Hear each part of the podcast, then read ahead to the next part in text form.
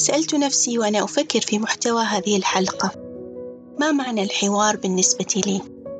وجوابي هو أنه الجسر الذي يربط بين أفراد الأسرة وهو طريقتنا لفهم الآخر ولفهم ذاتنا.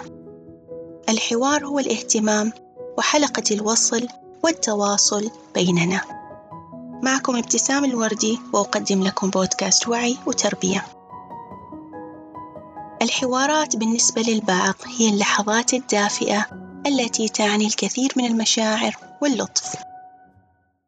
لكنها قد تعني للبعض الآخر الكثير من الصمت والارتباك. وقد تكون لشخص آخر مهمة صعبة فيتجنبها أو يلقيها على عاتق طرف آخر. أذكر عندما ذكرت لي إحداهن مرة إنها تفضل أن تترك مهمة مواضيع الحوارات الحرجة بينها وبين ابنتها لخالة البنت. ومع أننا بشر نمشي حياتنا بالحوارات اليومية والآلاف من الكلمات إلا أنها ليست بالمهمة السهلة دائما. يمكن حواراتك مع أولادك غير عفوية وقد تكون عبارة عن أوامر وطلبات. بل وقد يتخللها الكثير من الصمت والفراغ.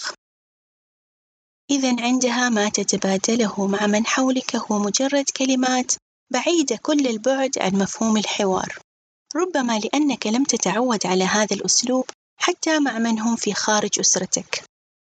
وربما لأنك ترى بأن الحوارات لا معنى لها. فما دمت أنك توفر لهم المأكل والملبس والمسكن فلا داعي لكل ذلك.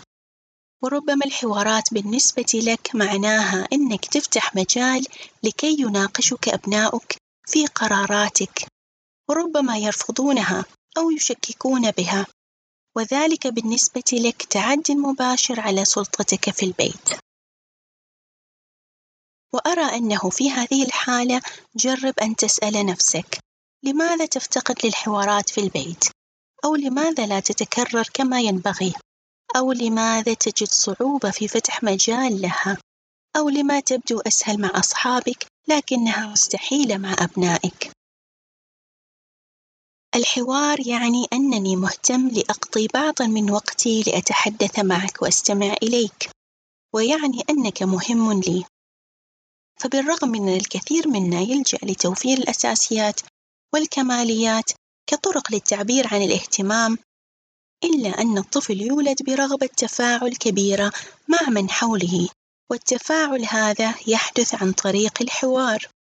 فلا يمكننا تعويض نقص الحوار التفاعلي بالمادة.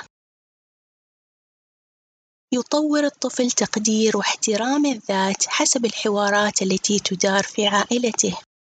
فيتعلم بالقدوة عندما يرى طرق إدارة والديه للحوارات بينهم. سواء كانت قائمة على الاحترام ومراعاة الطرف الآخر وبعيدة عن العصبية والصراخ أو قائمة على السخرية والصراخ والتجاهل وعدم الاحترام. ويتعلم كذلك قيمة نفسه واحترامها عندما يحترمه والديه عند الحوار فلا يقللون منه أو يسخرون منه أو يتجاهلونه. فذلك قد يشعره أنه غير مسموع وغير مرئي عندما يرى الطفل أن له صوت مسموع في البيت وكلمته له قيمة يفهم أنه جدير بالاحترام والثقة وكل ذلك يمكن أن يكون له أثرًا كبيرًا يمتد لكل حياته. من المهم أن نبذل مجهودًا مضاعفًا لفتح باب الحوار مع كل أفراد الأسرة، وبالذات صغارنا. قد لا تصنف نفسك كمحاور بارع، لكن ذلك ليس عذرًا كافيًا لتترك سنوات عمر أبنائك تمر من أمامك بدون أن تعطي نفسك فرصة للتغيير وتمنح أبنائك هبة الحوار.